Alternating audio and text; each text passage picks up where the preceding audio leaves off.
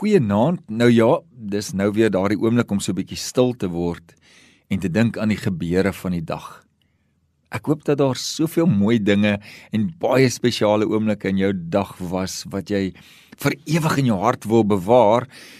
Maar die lewe gebeur en soms is daar ook ander dinge wat jy wens jy hoef nooit weer oor te dink nie. Van die mooiste herinneringe in ons lewens sal jy merk, was daar altyd iemand by betrokke en het liefde innige teer omgee Jesus Christus liefde gewoonlik 'n groot rol gespeel.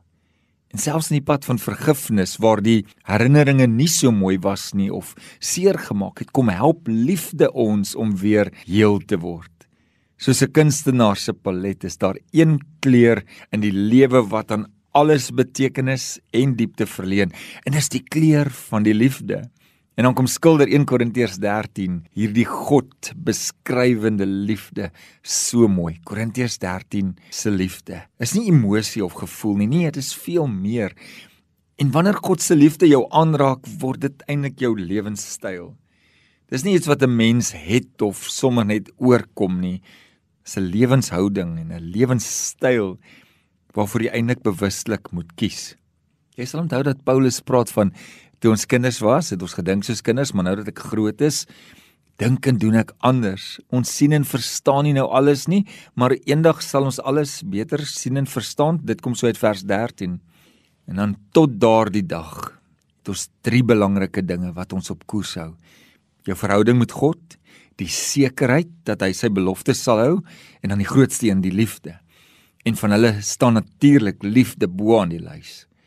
Hier is Paulus se raad. Hy sê: "As jy hierdie 3 dinge in plek het, sal jy op koers bly. Jy gaan nie verdwaal nie. Die vertrekpunt, jou verhouding met God. Beskerm dit ten alle koste. Bewaar dit, vertroetel dit, versorg dit. Maak seker dat God sy koninkryk en alles van hom seëvier in jou lewe, in jou besluite, want sonder hom kan ons niks doen nie, nie een enkele tree gee nie." En dan noem hy 'n tweede saak. Hy sê die sekerheid dat God al sy beloftes hou Sy woord is ja en amen. Sy beloftes is waar. Sy goedheid en sy guns sal ons volg al die dae van ons lewe. Dalk moet jy weer bietjie daardie persoonlike beloftes wat jy van die Here ontvang het net gaan afstof, gaan lees dit net weer, gaan dink daaroor, bid daaroor.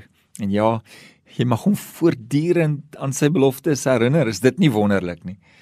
En dan die grootste hiervan, die derde een is die liefde. God is liefde self. Hoe nader ons aan Christus leef, hoe meer vind ons God se werking in ons lewe.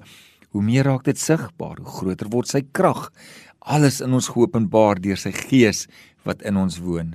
Moeder Teresa het dit mooi gesê. Sy sê: "Die liefde is 'n heel jaar vrug en binne bereik van elke hand wat dit wil pluk en uitdeel."